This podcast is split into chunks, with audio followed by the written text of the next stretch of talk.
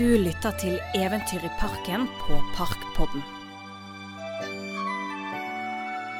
Her skal vi bli bedre kjent med Nygårdsparken. Både det som bor over og under bakken. Det som er sant, og kanskje ikke fullt så sant.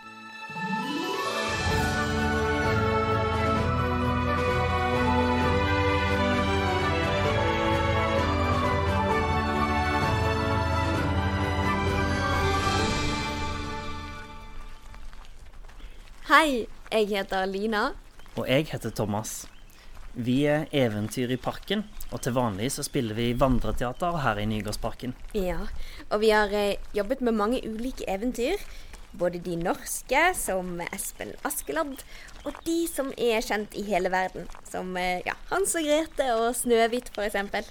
Ja, det er helt utrolig at en kan bruke parken på så mange ulike måter. Det er sant. Det er en veldig flott park vi har her. Men vet du hva? Det er en spesiell historie som jeg ofte tenker på når jeg er her i parken. Å, Ja, du kjenner sikkert til historien. hvilken historie da?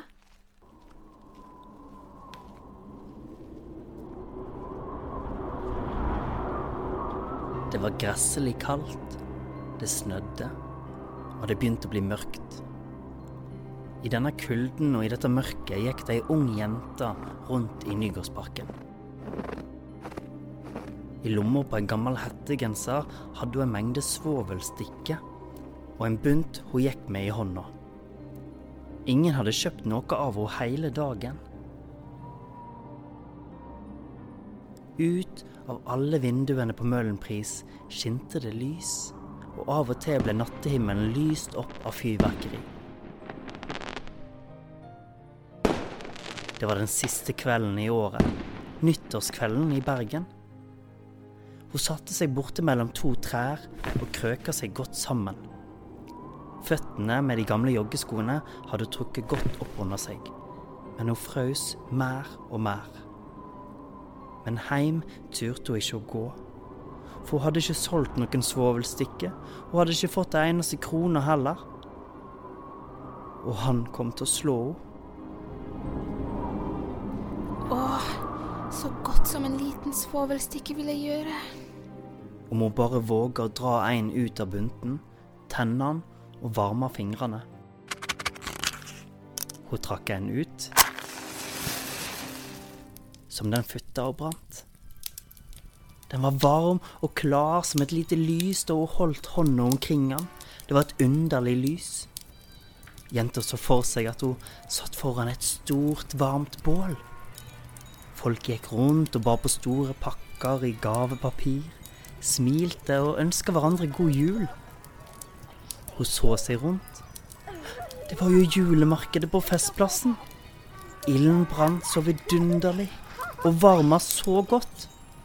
Å, så deilig det var å kunne være der med alle sammen. Jenta smilte og strakte føttene fram for å varme deg òg. Og da gikk flammen ut. Bålet forsvant, og hun var tilbake igjen i parken. Helt aleine. Med en liten stump av den utbrente svovelstikken i hånda. Hun ripa av en ny, Bare en siste en. lova hun seg sjøl. Og så var hun tilbake igjen på julemarkedet. Hun satt på en stor trebenk foran en bod med julemat. Det lukta så deilig ribba og pinnekjøtt, Neimen, du så sulten ut. sa ei dame som stakk hodet ut av boden. Her så skal du få deg litt mat. Og så satte dama en tallerken full av den herligste maten hun noen gang hadde sett foran henne. Hun strakk hånda for å hente en gaffel, og da slukna svovelstikken. Og så var det ikke noe annet enn den utbrente svovelstikken i hånda hennes.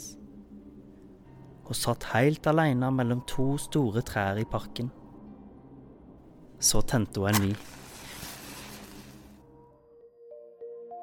Da sto hun rett ved det vidunderligste juletreet midt på lille Lungåsvannet. Det var enda større og finere pynta enn hun hadde sett for seg. Tusen lys skinte på de grønne greinene, og de store, glitrende julekulene sånne som de pynter i butikkvinduet med, titta ned på henne. Hun strakte begge hendene opp i været, og, og da slukna svovelstikken. Alle julelysene steg høyere og høyere, og nå så hun at det var de som var de klare stjernene der oppe. En av de falt og laga en lang ildstripe på himmelen. Døde et menneske. Ja, mormor har sagt at når en stjerne faller, så går en sjel opp til Gud. En av de falt og laga ei lang ildstripe på himmelen. Mormor, som nå var død, hadde alltid vært snill mot henne. Hun tente igjen ei svovelstikke. Han lyste opp rundt om, og i skinnet sto gamle mormor. Så klar, så strålende, så mild og god. Mormor!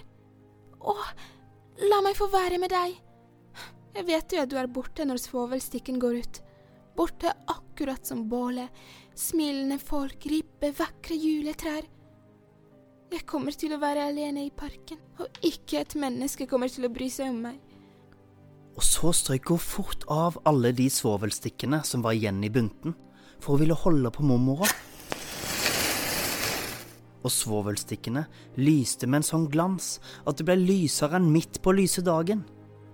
Mormor hadde aldri vært så vakker før. Hun løfta jenta opp på armen sin, og de fløy i lys og glede så høyt opp. Det fantes ingen kulde mer, ingen sult og ingen angst. De var sammen. Men i parken satt jenta mellom to trær og var død. Hun var frosset i hjel i den siste kvelden i det gamle året. Nyttårsmorgenen gikk opp over jenta som satt der med røde skinn et smil om munnen og svovelstikkene sine. En bunt av de var nesten brent opp.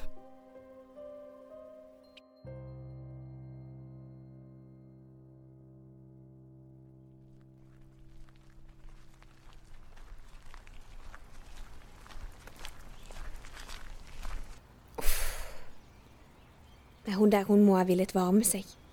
Ja, stakkars. For et liv.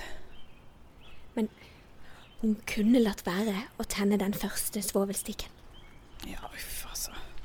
Det var kanskje like greit at det ble så det ble. Ja, det der Det er jo ikke noe liv. sa folk.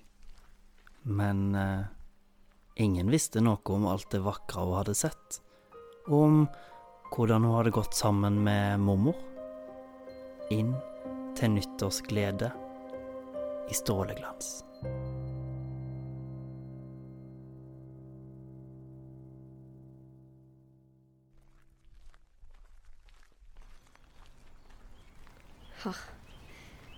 Ja, det er en veldig, veldig fin historie, det der, altså. Ja. Det var kanskje en lykkelig slutt òg, eller? Ja. Jo, kanskje det. Og hvis dere vil høre flere historier, sjekk ut andre episoder av Parkpodden. Vi høres.